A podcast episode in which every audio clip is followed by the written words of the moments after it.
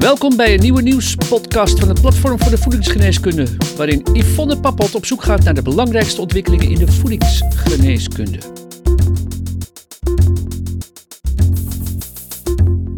Hallo luisteraars, hartelijk welkom bij de eerste nieuwspodcast van Voedingsgeneeskunde. We doen het met deze podcast net iets anders dan je van ons gewend bent. Naast de uitgebreide podcast in samenwerking met Nutramin kun je vanaf nu bij Voedingsgeneeskunde elke week een korte podcast beluisteren, waarbij we ingaan op actuele onderwerpen. Voedingsgeneeskunde is een platform voor professionals, waarbij we jou willen inspireren over de rol van leefstijl, voeding en specifieke nutriënten in relatie tot gezondheid en ziekte. Ik ben Yvonne Pappelt, opgeleid als diëtist en nauw betrokken bij voedingsgeneeskunde. En voor deze nieuwspodcast pak ik samen met Andrea van Vuren regelmatig een interessante en actuele vraag op. Andrea van Vuren is diëtist en expert in voeding en suppletie. Hi Andrea, nou wat leuk om met jou dit initiatief uh, op te pakken. Wij kennen elkaar al ruim 20 jaar, maar kun jij in het kort iets meer vertellen over jezelf, uh, vooral voor de luisteraars uh, die jou nog niet kennen? Dankjewel. Jazeker, Yvonne, dat wil ik wel. Je zei het al, ik ben diëtist. Ik noem het zelf liever voedingskundige, omdat ik me voornamelijk bezighoud met de relatie tussen voeding en gezondheid. Na de opleiding heb ik wel een jaar in het ziekenhuis gewerkt, maar al vrij snel kwam ik in de industrie te, uh, terecht. En uh, vooral in de gezondheidsproducten, natuurvoeding en voedingssupplementen. En dat pakte eigenlijk al heel snel mijn interesse. Op de opleiding toen der tijd, ik heb hem in 1985 afgerond, kregen we vrij weinig informatie over nutriënten. Ik ben in de voorlichting terechtgekomen. Ik heb daar veel voorlichting uh, over gegeven en natuurlijk ook enorm veel literatuur over gelezen. En uh, dat is eigenlijk in de loop der jaren steeds verder gegroeid. Nu ben ik zelfstandig voedingskundige. Ik schrijf artikelen, onder andere voor voedingsgeneeskunde. Voor de website van Voedingsgeneeskunde schrijf ik samenvattingen. Ik adviseer bedrijven over wetgeving, bedrijven die voedingssupplementen op de markt willen brengen. En ik organiseer congressen. Dat is een beetje een notendop wat ik professioneel doe en wie ik professioneel ben. Nou, dankjewel. En natuurlijk ontzettend leuk om nou uh, jouw kennis ook uh, via de, deze podcast uh, te gaan delen. En ja, vandaag wil ik het eigenlijk met jou hebben over plantaardige melkdrank. ja, het is duidelijk, hè? we zullen minder dierlijke en meer plantaardige eiwitten moeten consumeren. Dat was immers ook de conclusie van de commissie Eat Lancet, die gekeken heeft hoe we als mensheid in 2050 op een gezonde manier nog, uh, nog allemaal kunnen voeden. En als we het hebben over meer plantaardig, is het ook interessant om uh, eens te kijken naar plantaardige melkvervangers. Uh, van bijvoorbeeld een soja, haver en kokosmelk. Hè. Dat wordt enorm veel verkocht. Dus de afgelopen jaren is die markt voor zuivelalternatieven gemiddeld met 15 tot 20 procent gegroeid. Nou, wat ik interessant vind om met jou te bespreken is in hoeverre deze producten volwaardig en gezond zijn. En ja, ik ben ook benieuwd hoe het zit met de duurzaamheid van deze producten. Dus ja, ik uh, wil als eerste jou eigenlijk als vraag stellen: ja, hoe kijk jij naar uh, plantaardige melkvervangers? Dat is meteen een hele goede binnenkomer, want dat is ook heel bepalend voor de manier waarop we erover gaan praten. Hoe kijk je ernaar? Maak je je zorgen om dierenwelzijn en is dat de reden waarom je plantaardige melkvervangers, dat geeft ook al gelijk een oordeel, hè, uh, gebruikt? Uh, is vooral het milieu belangrijk om het te gebruiken? Of, zoals jij net uh, aanhaalde, doe je het voor je eigen gezondheid? Ja, dan kom je dus op voedingswaarde. Als je het als melkvervanger ziet, dan komt plantaardige melk, als je het zo wil noemen, officieel mag het niet, hè, want het is geen melk, komt er beroerd uit. Qua eiwitgehalte is het vele malen lager dan normale of koemelk. Met uitzondering van sojamelk, dat benadert de eiwit, het eiwitgehalte nog wel redelijk. Maar verder qua vitamine B2, vitamine B12, A, D, calcium, kalium, jodium, komt plantaardige melk er vele malen beroerder uit dan gewone melk.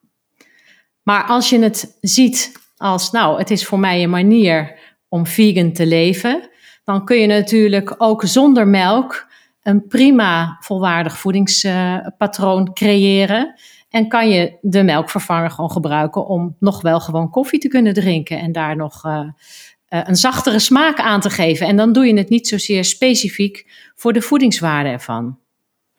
En, en kunnen we deze producten ook als, als gezond uh, beschouwen? Hoe sta jij daar tegenover? Ik vind het heel lastig om één product als gezond of ongezond te zien. Ik zie het altijd graag in het perspectief van het hele voedingspatroon. En uh, als je inderdaad um, plantaardige melk gebruikt, dan, uh, dan zul je uit andere voedingsmiddelen zul je dan je eiwitten moeten halen. En uh, eventueel via suppletie aan voldoende vitamine B2, B12, A, D, calcium en kalium uh, te komen. Maar pulvruchten geven natuurlijk ook heel veel eiwitten. En zeker als je ze combineert met granen, dan wordt de kwaliteit van het eiwit nog vele malen beter. Dat wil zeggen, het lijkt nog meer op lichaamseiwit. Dus uh, kan je goede eiwitbronnen voor jezelf uh, creëren. Dus ja, ook nu weer, hoe kijk je ernaar? Neem je het als gezondheidsproduct? Of is het een manier van leven en past het goed in het voedingspatroon en kun je dan toch een volwaardige voeding creëren? Ja, en sowieso dus belangrijk om het in een bredere context uh, te zien. Uh. Zeker. En uh, hoe zit het met de duurzaamheid van deze plantaardige alternatieven? Supergoed. Altijd vele malen beter dan koemelk. Want voor koeien is land nodig, is veel water nodig en koeien hebben veevoer nodig. En veevoer komt vaak weer van soja, daar moeten weer bossen voor gekapt worden.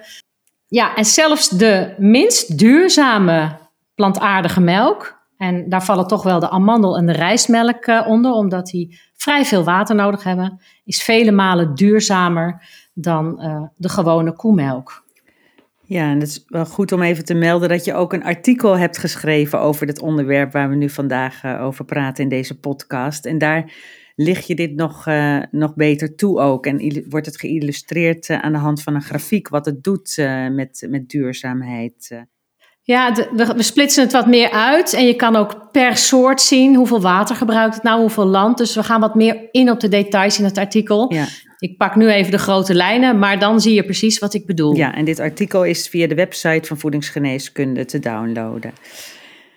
Uh, dan hebben we natuurlijk ook nog biologisch, wel niet. Wat, uh, wat voegt dat verder nog toe uh, aan, aan deze producten? Ja, biolo biologisch heeft natuurlijk zowel voor de gewone koemelk als voor de plantaardige melk een positieve impact op het milieu. En ook voor een deel op dierenwelzijn. Als je kijkt naar biologische koemelk, dan heb, grazen de koeien meer buiten. Ze krijgen biologische voeding.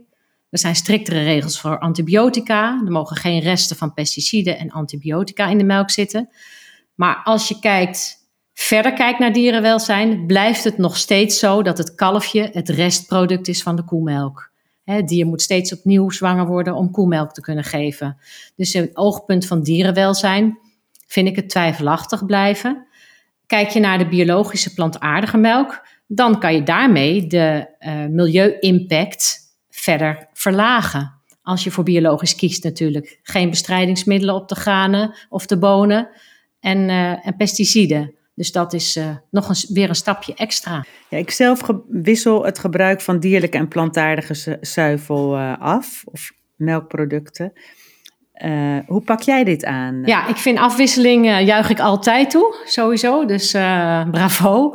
Want hoe meer je voedingsmiddelen in zijn algemeenheid afwisselt, hoe minder kwalijke stoffen je binnenkrijgt. En je krijgt ook een variatie aan gunstige voedingsstoffen binnen. En dat vind ik eigenlijk ook zo binnen de plantaardige melken. Ik zei het al, sojamelk komt er heel gunstig uit.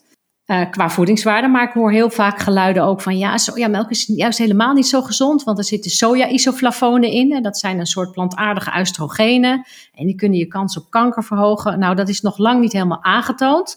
Maar zolang we dat allemaal niet zeker weten, is variëren natuurlijk alleen maar gunstig. En dat hangt natuurlijk ook af van het doel waarvoor je het gebruikt. Ik zelf persoonlijk gebruik havermelk en dan de barista vorm. Ik gebruik plantaardige melk vanuit mijn gevoel voor dierenwelzijn. Ehm, dus uh, ja, ik wil graag een schuimende cappuccino. Dus de havermelk barista, die, uh, die werkt voor mij helemaal prima. En dan kijk ik verder helemaal niet naar voedingswaarde of zo. Gewoon wat lekker smaakt.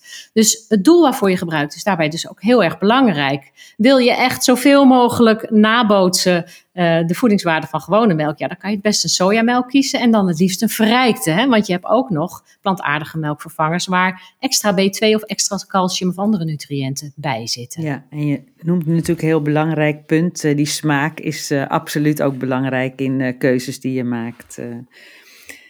Zeker. Ja, wat is tot slot de belangrijkste boodschap naar de luisteraar? Uh, concluderend zo aan het eind van deze podcast? Nou, als je zuivel wilt vervangen, dan kun je dat dus niet één op één vervangen met een plantaardige melk. Zorg ervoor dan dat je de nutriënten uit andere voedingsmiddelen haalt of uit voedingssupplementen. En wil je total vegan gaan, dan moet je sowieso heel goed opletten wat je eet en wat je combineert om aan een volwaardige voeding te komen. Ja, mooi, dankjewel. Het lijkt mij aardig om uh, een woord te kiezen uh, die bij deze podcast uh, hoort. Wat, welk woord zou jij naar voren willen brengen? Ja, dan maak ik het heel persoonlijk, maar voor mij is dat woord dierenwelzijn. Ja, en mijn woord is variatie. Nou, dankjewel Andrea voor uh, ja, je bijdrage aan deze, deze podcast. Uh, deze eerste nieuwspodcast van voedingsgeneeskunde. Ook de luisteraars bedankt voor de aandacht. Uh, zoals we al aangaven heeft Andrea ook een artikel over dit onderwerp geschreven dat te downloaden is. En de volgende keer ga ik in gesprek met Andrea over hoe, hoe een goede keuze te maken voor een vitamine C supplement. Dus graag tot dan. Dankjewel Yvonne. Ik kijk al uit naar de volgende. Oké, okay, tot ziens. Via vakblad, website, podcasts en een jaarlijks congres biedt voedingsgeneeskunde al meer dan 20 jaar professionele en wetenschappelijk onderbouwde kennis. Gratis voor niets, het laatste nieuws in je inbox. Schrijf je dan in voor de wekelijkse nieuwsbrief op www.voedingsgeneeskunde.nl. Redactie en productie Yvonne Papot. Techniek Sjoerd Kaandorp. Voedingsgeneeskunde is een project van uitgeverij Media Medica.